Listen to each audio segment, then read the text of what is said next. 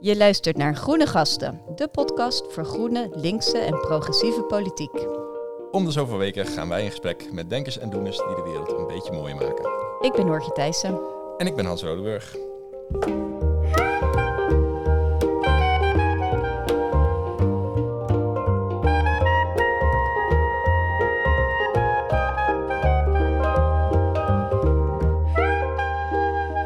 Nou, daar zijn we weer. Het is alweer de laatste opname van de hele serie Groene Gasten. Ja, Hoe zit jij erbij? Eh, heb je verdriet? Heb je een huilend hart, Hans? ja eh, nou wel een beetje. Ja, ik klapte denk ik voor de luisteraar ook zo even kaal in. Hè? Zo, Ja, boem. het Dit is- de laatste, is laatste, de laatste. aflevering, jongens. Ja, eh, maar op zich wel met een mooie, mooie reden ook. Het is niet zomaar. Nee, het is namelijk een, een slot, maar het is ook een nieuw begin. Daar waar een deur dicht gaat, eh, gaat er ook altijd weer een deur open. We gaan namelijk een nieuwe podcastserie starten. Ja, ja, ja, met onze rode vrienden van de W.R. Beckman Stichting. Klopt inderdaad. En wat, gaan we doen eh, met die podcast? Of, of eh, nou ja, eigenlijk weten we het nog niet, maar we hebben wel een beetje een idee, toch? Ja, we vliegen hem open in. Dus er komt een nul aflevering waarin we gewoon gaan bespreken wat, wordt, wat, wat moet het ongeveer worden. Maar de podcast zal meer dan jullie gewend zijn van groene gasten een zoektocht worden naar hoe we de linkse strijdlust weer terug kunnen brengen en links wat meer in het offensief kunnen brengen. Dus naast de inhoud misschien ook wat meer politiek bedrijven. Hoe doe je dat en hoe kunnen we dat verbreden? Dus eh, blijf eh, ons vooral volgen, toch? Ja, ja want het, je hoeft ook niet eh, heel hard te gaan googlen. Eh, hij, hij gaat waarschijnlijk gewoon op het huidige kanaal verschijnen. Dus dan kan je gewoon geabonneerd blijven en eh, je ziet hem wel verschijnen. Ja, mooi. Maar, Maar, nu, Ja, maar nu. Eh, de laatste aflevering van Groene Gasten. Ja, en niet zomaar één. eh, want we gaan het hebben over een groot onderwerp. eh, postgroei en geopolitiek. Als we economische groei loslaten als leidend principe, waar jullie als Vertrouwen podcast luisteraars al vaak hebben over gehoord dat we dat willen. Wat betekent dat dan eigenlijk voor de internationale verhoudingen op het wereldtoneel? En daarover gaan we in gesprek met twee gasten. En dan toch een laatste aflevering, maar ook een primeurtje. Die allebei inbellen vanuit het buitenland. Ja, ja. Ehm, de eerste gast, welkom. eh Gaia Harrington. Ehm, zij is econometrist, duurzaamheidsonderzoeker en vrouwenrechtenactivist. Eh, twee jaar geleden baarde zij wereldwijd opzien met een studie die de boodschap van de Club van Rome uit 1972 opnieuw bevestigt. Namelijk, er zitten echt grenzen aan de groei. Ehm, en in 2022 publiceerden ze een boek over hetzelfde thema, Five Insights for Avoiding Global Collapse. En momenteel adviseer je zelfs de Oekraïense overheid, vertelde je net, Gaia. Welkom. Ja, dat klopt. Ja. Fijn om hier te zijn. ja, waarover eh, adviseer jij de Oekraïense overheid? Is die al Ja. druk met degrowth?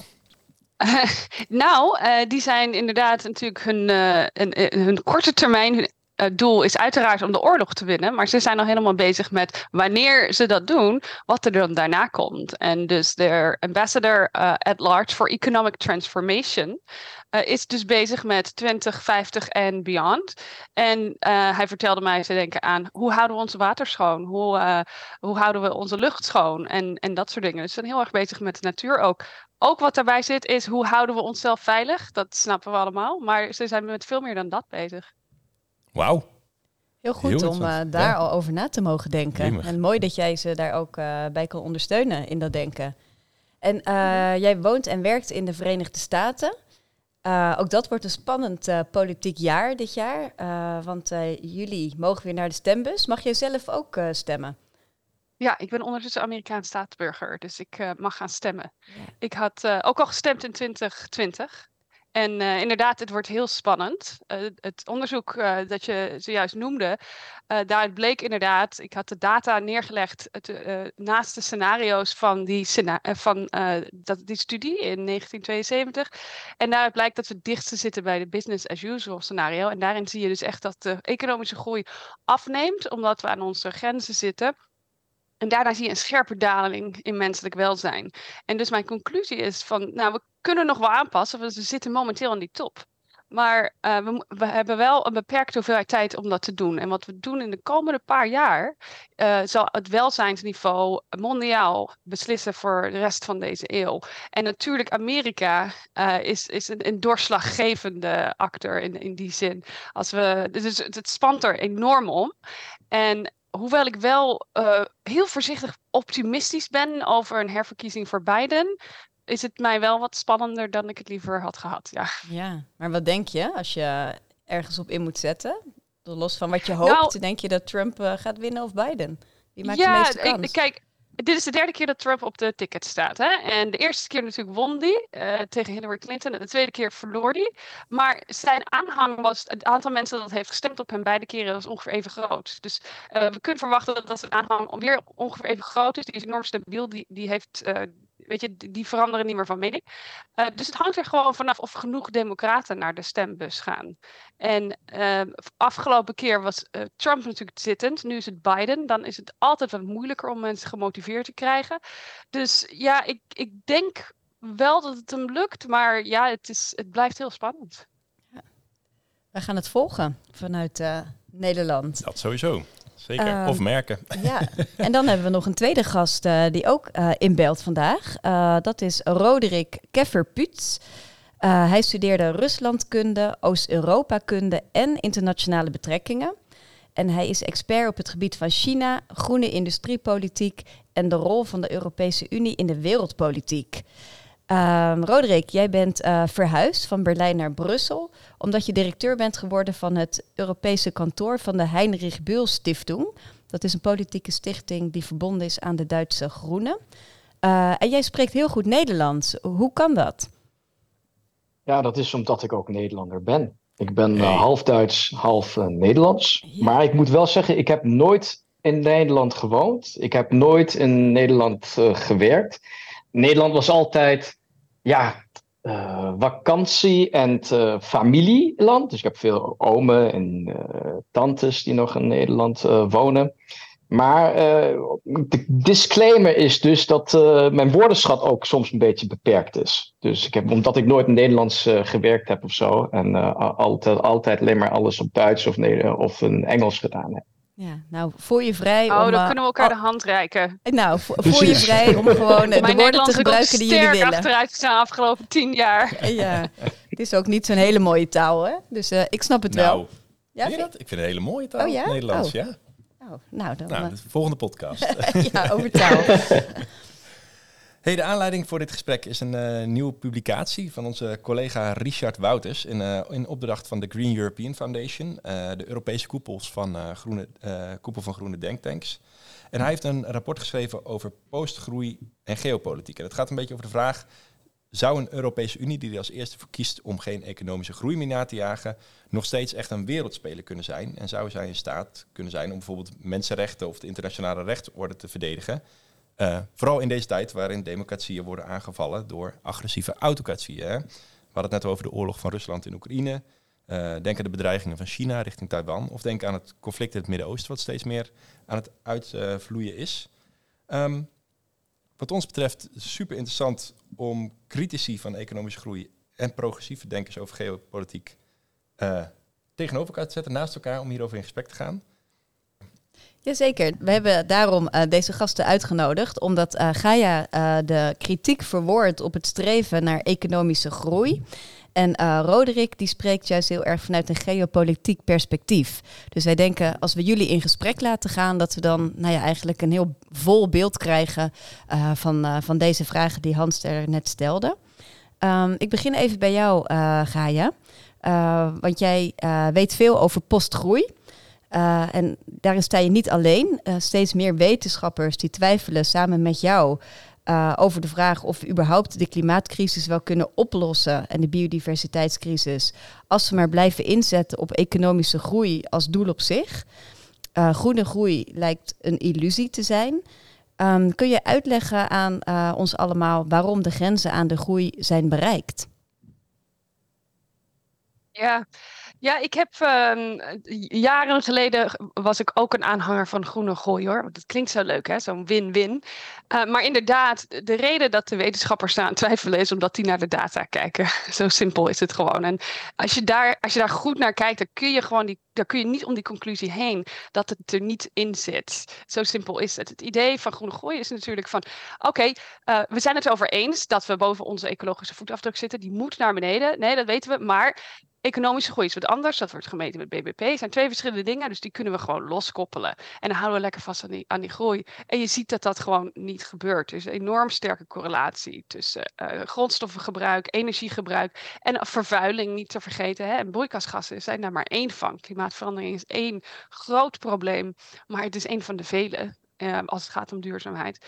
En je ziet gewoon dat die loskoppeling tussen energieintensiteit, vervuiling, grondstofgebruik en BBP-groei er vrijwel niet is. Het is wel, uh, er zijn wel het is niet dat er helemaal geen vooruitgang is geweest. Natuurlijk is er innovatie, maar uh, niet bij lange na niet genoeg om dan een klimaatineenstorting te voorkomen.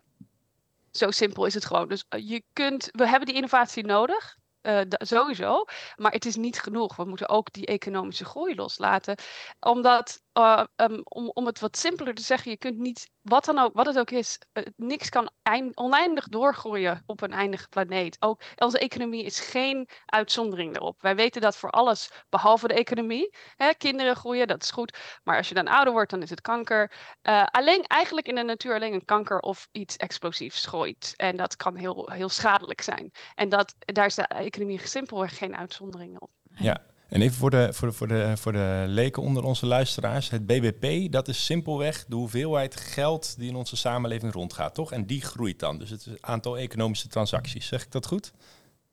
Ja, en uh, inderdaad is het sowieso, het is maar een manier om onze economie te meten. Het is best wel moeilijk om een economie te meten.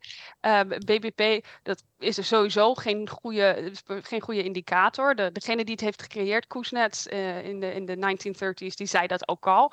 Um, maar eh, dus sowieso is het geen goede maatstaf, maar überhaupt de groei in wat dan ook, is geen goed nastreven. En wat zou dan wel een goed streven zijn? Wat zou het politieke doel moeten zijn in de economie?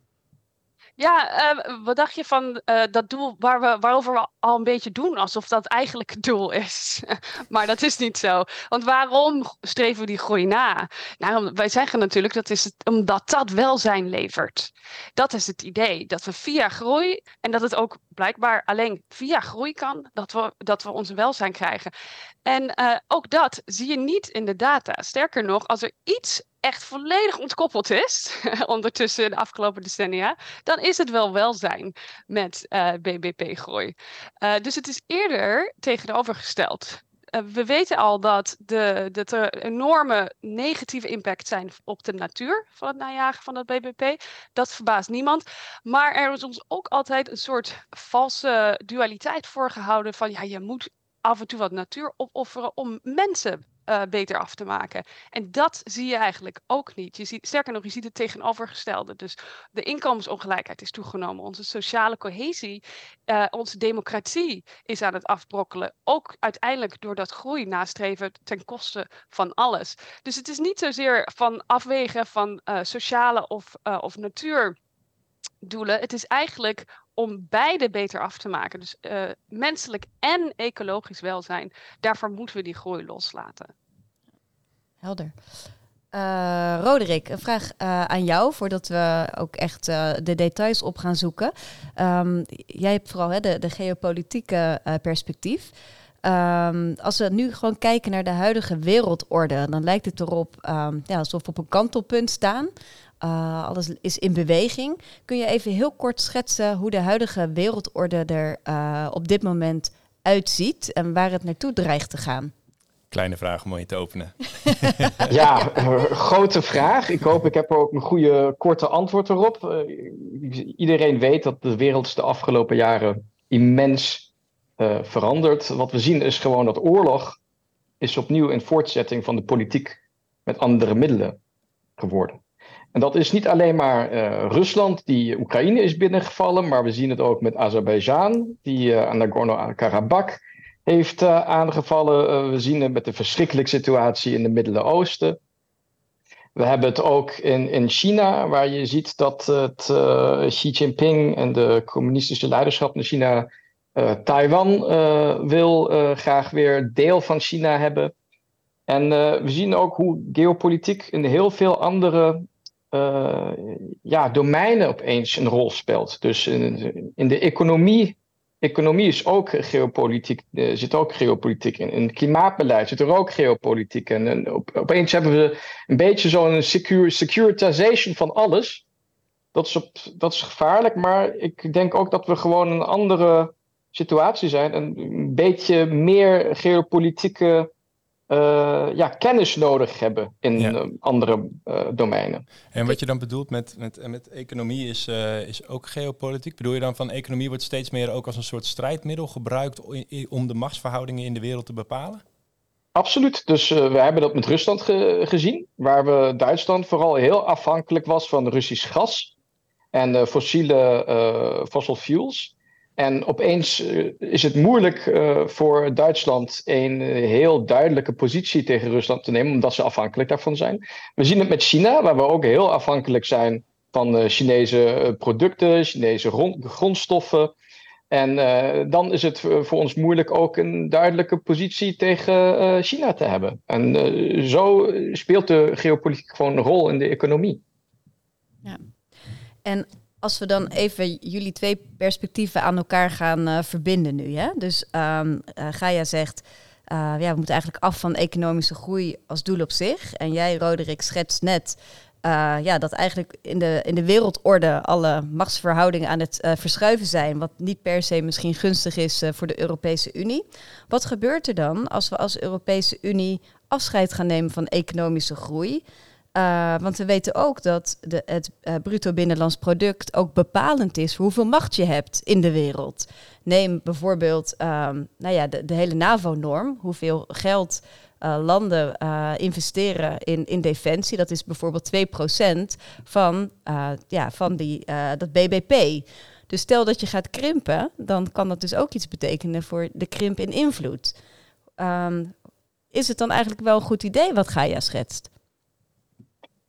Ik vind dit een heel spannend uh, onderwerp. En er is dus niet veel um, research uh, erop geweest. En daarom ben ik, vond ik ook zo, vind ik het ook zo leuk deze debat met uh, Gaia en jullie uh, te hebben. Want je moet het zo zien. We zijn nu in een wereld waar we veel oorlog hebben. En wat heb je in een oorlog nodig? Wapens. En tanks en uh, vliegtuigen en munitie enzovoort. En dat is gewoon uh, het overleven van de Oekraïne hangt er vanaf hoeveel tanks er geproduceerd worden, hoeveel wapens er geproduceerd worden. Dat heeft de Oekraïne nodig. En dat is ook wat de EU wil leveren aan de, aan de, aan de Oekraïne. Dus we moeten, moeten meer produceren, moeten meer in defensie uh, investeren. En dat is natuurlijk uiteraard een, een, een groeitraject, zou ik zeggen. Maar we moeten ook wel slim investeren. Ik weet niet of 2% van de NAVO uh, ook uh, een slimme investering is. Want wat we hebben is, we hebben heel veel. Um, hoe, hoe, zeg je dat? We hebben heel veel. Uh, we hebben. Ik geef je een voorbeeld. We hebben in de EU-lidstaten 30 verschillende soorten van tanks. Ja. Hebben we echt 30 verschillende soorten van tanks nodig? Ja. Misschien zijn er drie soorten van tanks genoeg. En dan produceren we allemaal die drie soorten van tanks. Maar niet iedereen in ieder land gaat zijn eigen tanks produceren. Dus ik denk we kunnen veel meer slimme investering doen door betere coördinatie en betere coöperatie op dit uh, domein. Ja, dus eigenlijk gewoon, je hoeft geen eens veel meer geld uit te geven. Maar het gaat vooral omdat we nu eindelijk eens als Europa niet allemaal vastbehouden aan onze eigen wapenindustrieën. Omdat we dat gewoon als nationale trots hebben, maar dat veel meer gaan integreren. Ja. ja, precies dat is het. Niet uh, meer geld uitgeven, maar het, be het, geld beter uitgeven. Dat is overigens ook precies waar postgroei voor staat. Hè? Beter. Uh, postgroei is niet anti-groei. Uh, bijvoorbeeld, maar het moet, als de groei welzijn levert, dan is het prima. Maar zo niet, dan niet dat doen. En als je kijkt, bijvoorbeeld heel duidelijk voorbeeld, uh, fossiele brandstoffen, die kosten te veel. Die vervuilen onze longen. Uh, het maakt ons juist afhankelijk van landen waar we niet per se afhankelijk van willen zijn. Uh, dus daar, dat, is, dat is een sector die zou moeten krimpen. Maar natuurlijk, uh, de, de renewable energy zou moeten groeien. En inderdaad, als jij, zeker als jij de Oekraïne bent, jij zit naast vijandige, uh, je hebt, buurlanden zijn vijandig, dan is het ook in het uh, nut van welzijn om je goed te blijven investeren in je defensie. Dus het, het, het, het, het, verschil is niet zozeer van um, we gaan ons BBP ook doelbewust krimpen. We laten gewoon dat groei als ultieme doel los. We gaan direct voor de welzijn. Als dat groei inhoudt, dan is dat prima. En zo niet, dan moeten we het ook niet meer doen. Ja, en dus toch ik denk wat dat betreft dat dat prima kan samengaan hoor. Ja, en toch heb je heel veel post-groeidenkers die juist ook heel erg zeggen van als je die opsomming van sectoren welke moeten krimpen, dan staat eigenlijk bijna altijd wordt defensie in dat lijstje gezet. Van nou, die kan in ieder geval naar beneden, want de hele wapenindustrie dat moet eruit.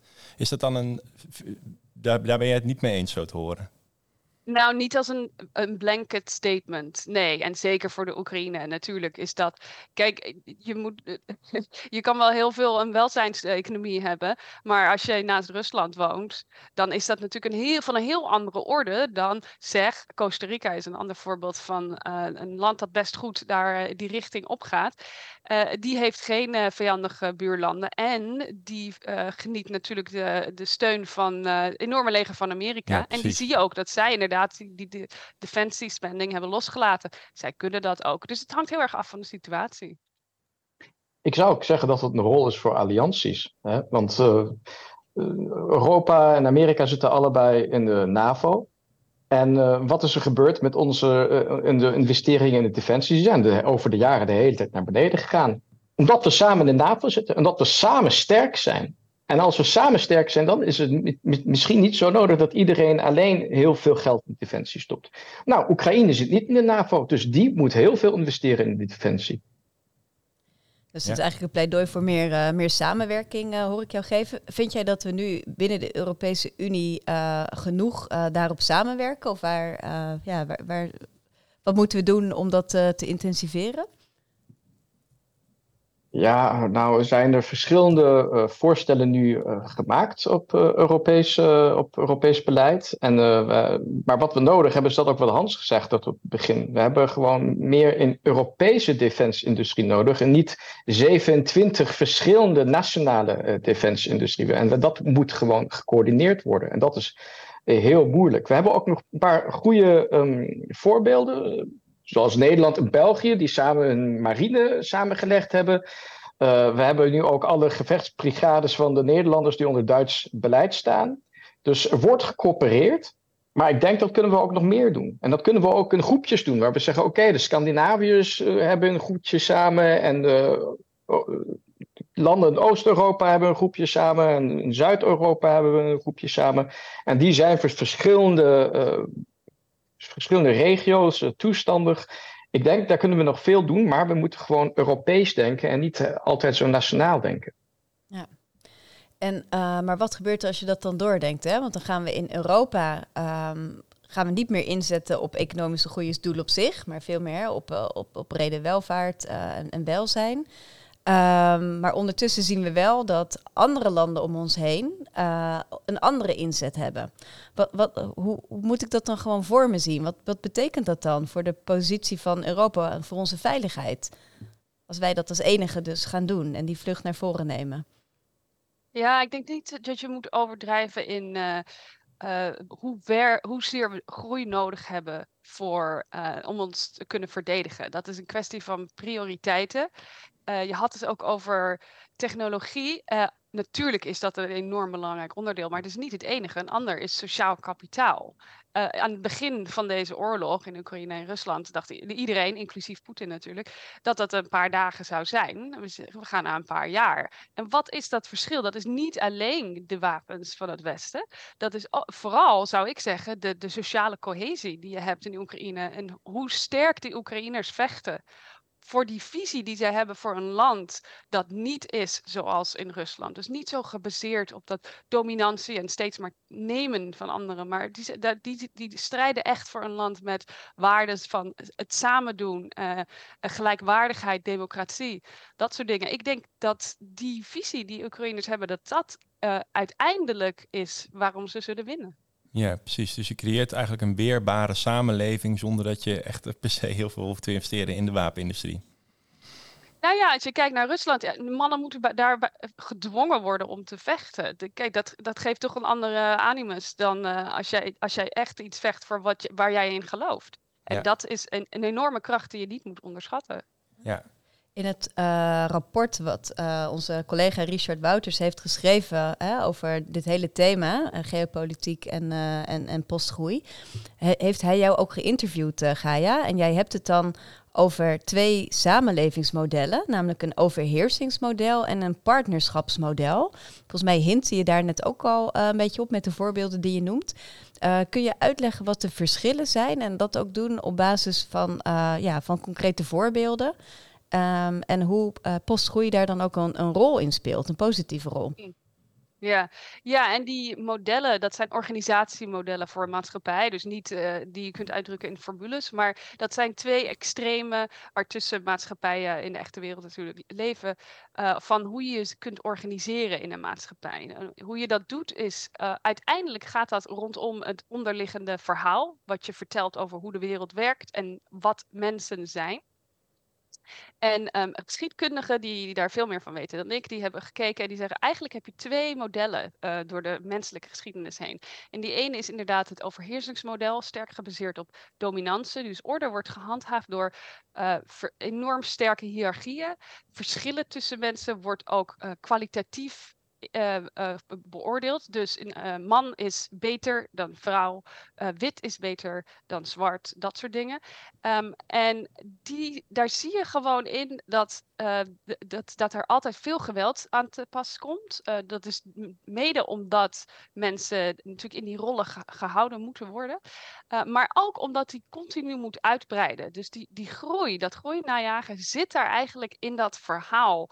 Uh, van wie die, wie die mensen zijn in de maatschappij zit daarin. En dat komt omdat deze manier van organiseren gewoon niet te duurzaam is. Je ziet dat, dat structureel mensen te weinig zorg voor elkaar dragen en te weinig zorg voor de natuur.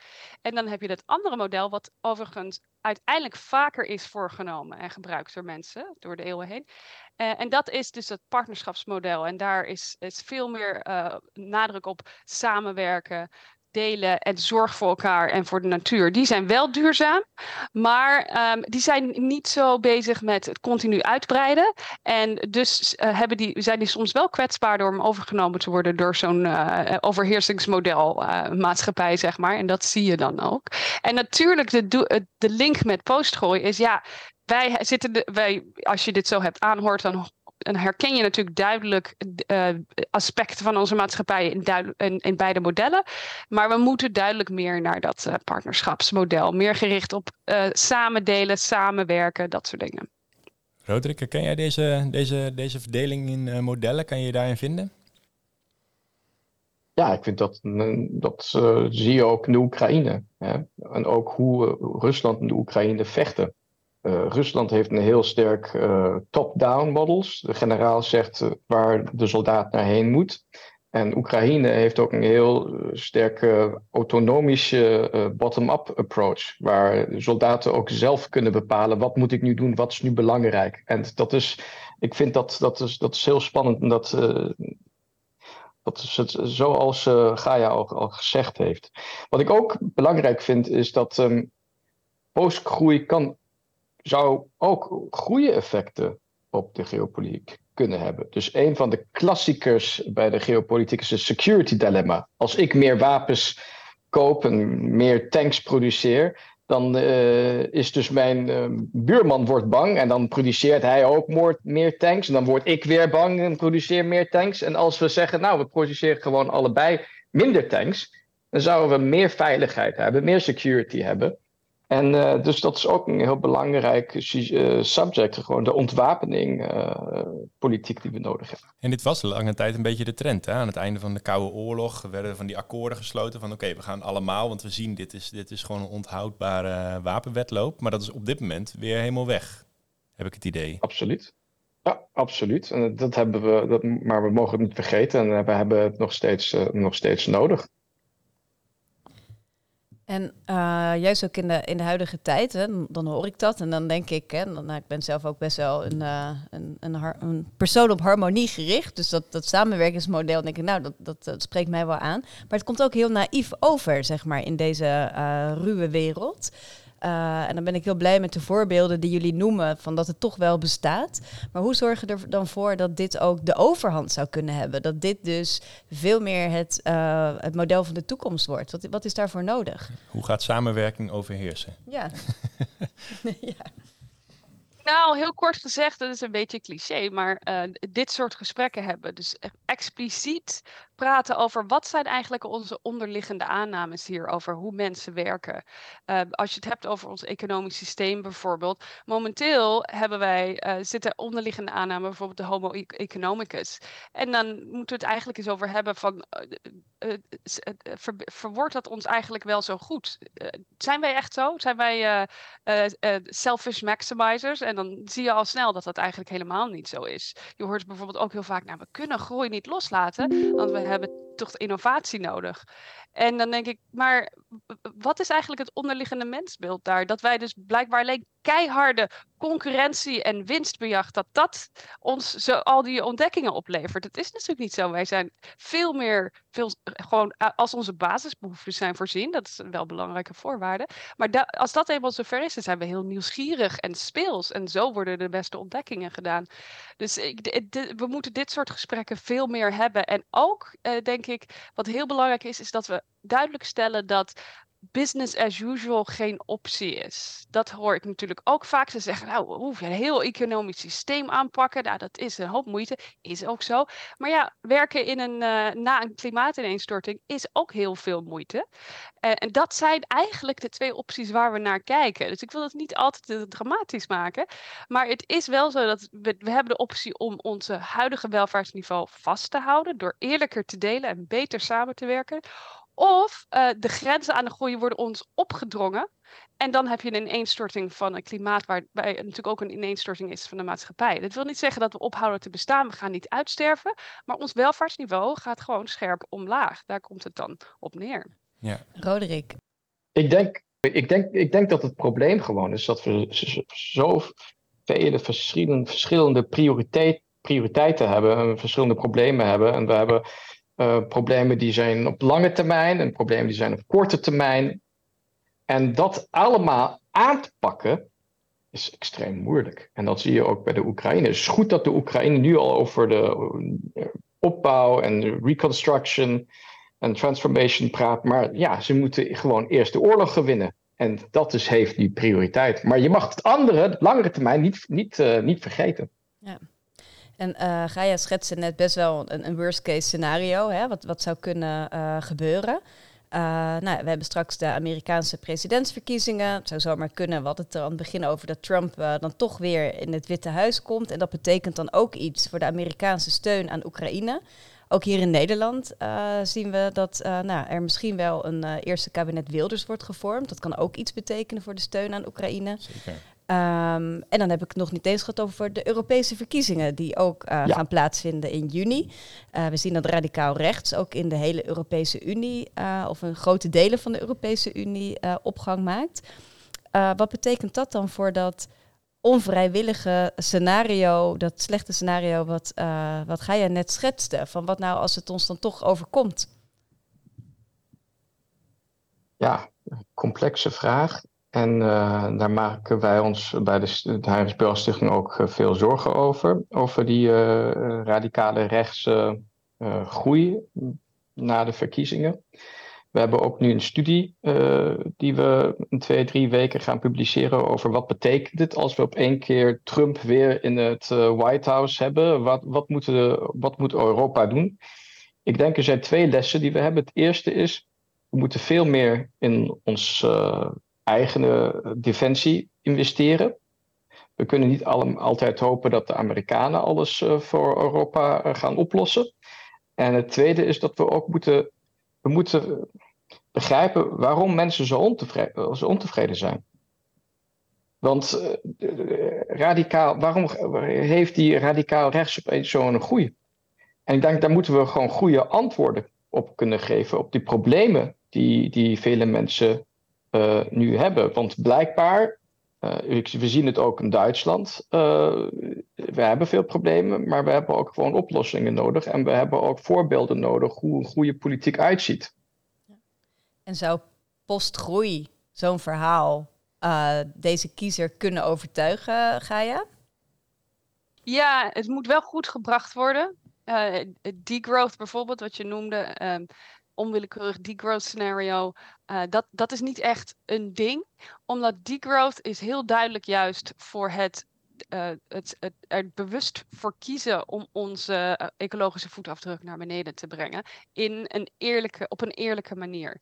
Um, dus dat onwillekeurige scenario is niet degrowth. Dat is, dat is gewoon een diepe daling in, in een heleboel dingen in ons welvaart en ook ons energiegebruik en dat soort dingen.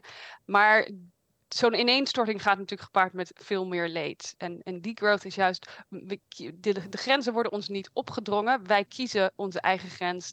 Als het aankomt op uh, materie, hè? want dat is het natuurlijk. Als we kiezen om onze ecologische voetafdruk naar beneden te brengen. Tuurlijk uh, moeten we bijvoorbeeld veel meer naar hernieuwbare energie. Dat zal niet genoeg zijn. We moeten ook eventjes terug met zoveel spullen hebben, bijvoorbeeld. Um, hebben we echt uh, privévliegtuigen, bijvoorbeeld de fast fashion... Uh, altijd uh, Braziliaanse steak kunnen eten in Nederland. Ja, dat, dat zijn dingen die dan niet meer kunnen. En daar hoeven we ook niet zo neurotisch over te doen. Want wat we daarvoor terugkrijgen zijn dingen waar we, we eigenlijk veel blijer van worden. Dus dat je veel meer, uh, dat je bijvoorbeeld voelt dat wat je doet elke dag voor je geld, dat dat ook echt waarde heeft voor de maatschappij en dat soort dingen. Dat zijn dingen die wij nodig hebben. ook naast onze basisbehoeften, waar we natuurlijk in kunnen voorzien met materie, hebben we ook sterke sociale en spirituele behoeftes om binding te hebben met mensen en het idee te hebben dat je eh, wat bijdraagt aan de wereld. Een heleboel mensen hebben dat ook niet in het Westen. Dus in die zin kunnen we er nog heel erg op vooruit gaan. En dat raakt natuurlijk ook aan wat Roderick net zei over waarom zijn mensen nou zo, zo, zo boos en dat zie je natuurlijk heel sterk in Amerika ook. Uh, zo niet sterker, maar het is inderdaad waar dat Europa, het is nog net iets minder gepolariseerd, maar het gaat duidelijk dezelfde richting op. En dat is nogmaals ook omdat dat najagen van groei ten koste van alles ook uh, inkomensongelijkheid in de hand werkt. En dat is een heel sterke rol. Dus als je dat ziet, al die, die vele problemen die we hebben, hoe moet je eigenlijk kijken, oké, hoe wat is dan de root cause? En dat is dus, uh, wat, wat de Club van Rome uh, 1972 ook al zei, eigenlijk dat najagen van groei ten koste van alles. Ja, mee eens. Ik voelde heel erg, precies daarom is ook de reden volgens mij dat heel veel, heel veel postgroeidenkers ook heel erg sterk pleiten voor basisvoorzieningen en heel sterk eigenlijk alle dingen die we nodig hebben om een volwaardig leven te leiden, die wel heel erg beschikbaar te stellen en daar in zekere zin in te groeien. Maar dat ja. de consumptie en de materiële welvaart, daar kan best iets naar beneden dan. Ja, maar het is dus een verhaal over zekerheid bieden in onzekere tijden ook, ja. ja. En nu wil ik toch de advocaat van de duivel spelen. En die vraagt dan ook meteen uh, aan jou stellen, Roderick. Die, als ik dat verhaal hoor van Gaia, dan gaan we ook heel veel dingen niet meer doen. Hè? We mogen niet meer die biefstuk eten en we mogen niet meer in die auto rijden. Is dat dan, denk jij, uh, wat die, de, de, stemmers die nu radicaal rechts uh, stemmen willen horen? Ik denk juist dat dat een, een van de redenen is waarom uh, ze juist niet op links willen stemmen. Pakken omdat, alles af. Ja, ze pakken alles van absoluut. ons af. Ja. Nee, ja, ik, nee, heb je ook gelijk. Maar ik vind, Gaia heeft één punt gemaakt die belangrijk is. En dat is de vraag, met wie communiceer je? Ik ga niet iemand vertellen die uh, een auto nodig heeft om naar zijn werk te komen en geen andere mogelijk heeft om naar zijn werk te komen zonder auto, zeggen ja, jij moet nu, mag niet meer auto rijden. Ik ga niet uh, een alleenstaande moeder van twee kinderen zeggen, uh, ja, jij mag geen economische groei meer hebben, want we hebben problemen. Maar ik kan wel misschien zeggen, hebben we, heeft iemand drie privéjets nodig? Ja? Of heeft iemand tien uh, luxe auto's nodig? Of heeft iemand drie huizen nodig en vijf vakantiehuizen en zo? En ik denk, bij zulke dingen, daar kunnen we wel aanzetten. Ja, dus de klimaatstrijd ook zeker als een klassenstrijd zien in, de, in die zin. Ja, dat is het ook. Mooi. We eindigen deze podcast altijd met uh, welke drie maatregelen onze gasten zouden nemen als ze minister zouden worden. Uh, in jullie geval zou dat eurocommissaris zijn, denk ik. Um, dus uh, ga jij, ik, ik, ik, begin met jou. Als jij eurocommissaris kunt worden, welke portefeuille zou je kiezen? En welke drie maatregelen zou jij in je eerste honderd dagen in gang willen zetten? Nou, ik begrijp dat er een eurocommissaris is voor de economie en een eurocommissaris voor de economie die werkt voor de mensen. en die is dan meer gericht op de toekomstige economie. Oh, dat zijn twee Dus losse, die dat is zou- ook wel veelzeggend. Ja, dat zijn twee losse. Dus ik dacht, nou, dan wil ik die laatste graag. Ehm, en eh, hoe, want dat is natuurlijk de vraag die we nu hebben. We hebben nu een, een economie die afhankelijk is, die ons allemaal afhankelijk maakt van groei. En hoe doe je dan die transitie naar die postgroei-economie, die welzijnseconomie?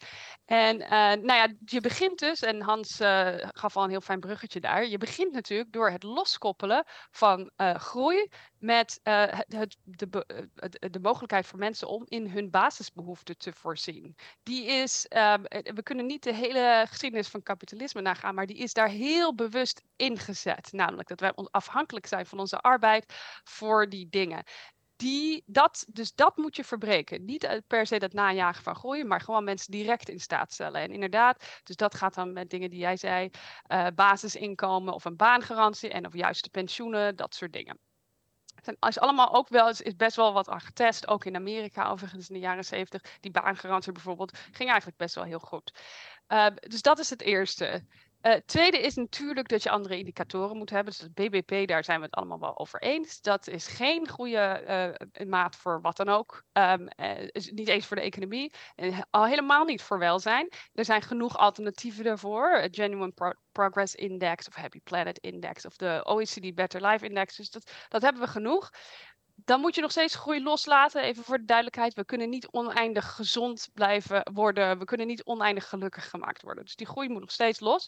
Maar beter meten zou ook wel handig zijn. Dus dat zou het tweede zijn. En dan de derde is natuurlijk, waar ik ook werk, het bedrijfsleven. Hoe laat, die zit natuurlijk ook heel erg in die groei, uh, maar dan met winst. Elk kwartaal moet dat geleverd worden. Uh, dat geeft natuurlijk ook veel problemen. En hoe los je dat op? Uh, ik spreek nu eventjes niet zozeer over politieke haalbaarheid, want dat is, dat is een, maar een, een vergaande maatregel die ik denk dat die transitie heel erg in gang zou zetten. Zou het gewoonweg het, het illegaal maken om privé winst uit te delen. En dat, is al, dat zijn al um, modellen hoor, die bestaan al. Ongeveer naar schatting 20% van Amerikaanse bedrijven zijn al not for profit. En dat betekent, oh, veel. die ze hebben gewoon winst. Ze maken gewoon winst. Ja. Ze hebben, delen gewoon goede salarissen uit, uh, you know, a livable wage.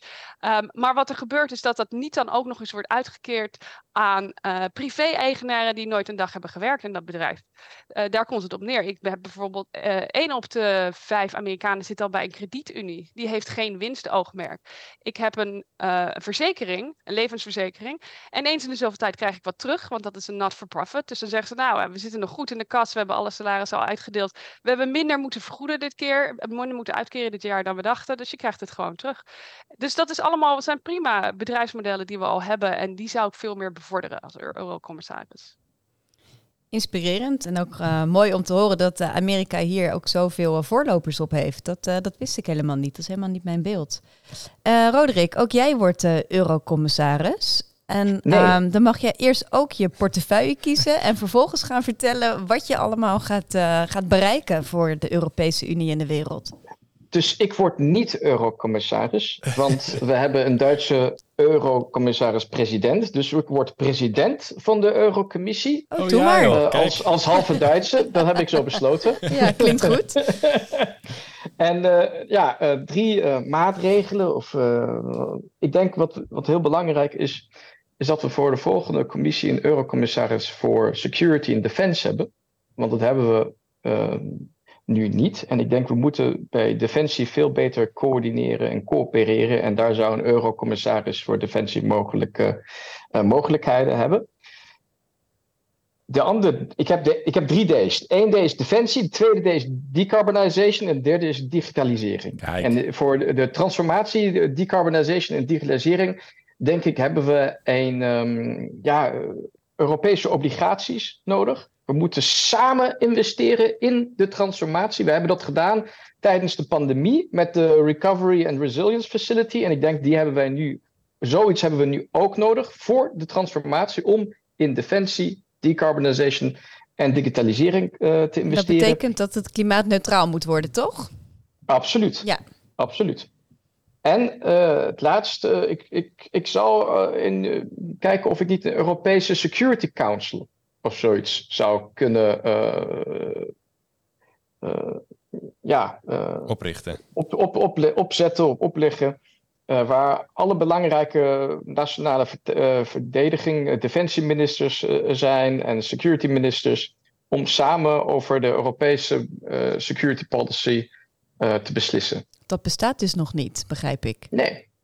Nee, dus ze hebben, je hebt de, je hebt de, uh, de buitenlandse zakenministers die komen en andere ministers, maar je hebt iets nodig voor de defensieministers.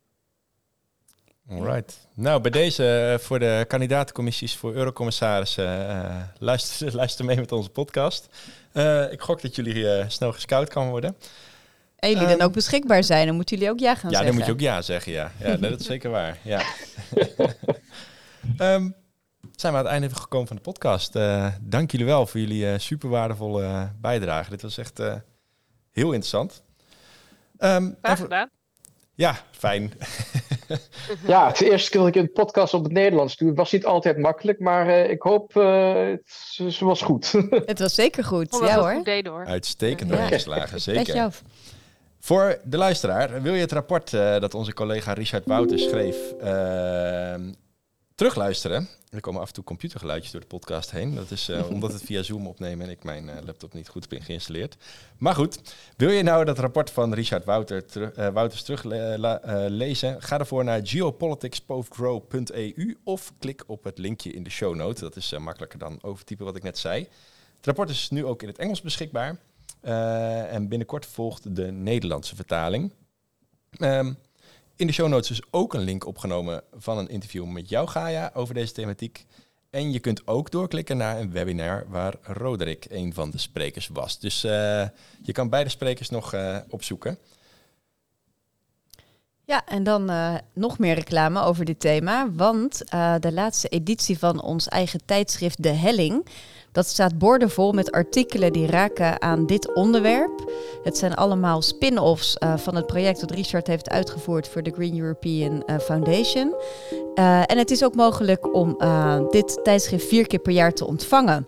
En dat kan door vriend te worden van het wetenschappelijk bureau. En als je vriend van ons wordt, dan geef je ons ook meteen een welkom financieel steuntje in de rug. Zeker. Nou, we willen jullie, uh, lieve luisteraars, uh, bedanken. Uh, fijn dat jullie deze aflevering er in ieder geval bij waren. En hopelijk hebben jullie de vorige 35 afleveringen ook allemaal geluisterd. Heel veel bedankt. Um, en dan horen we jullie weer bij onze volgende serie. Zeker. We zien jullie gewoon weer terug. Tot dan. Tot dan.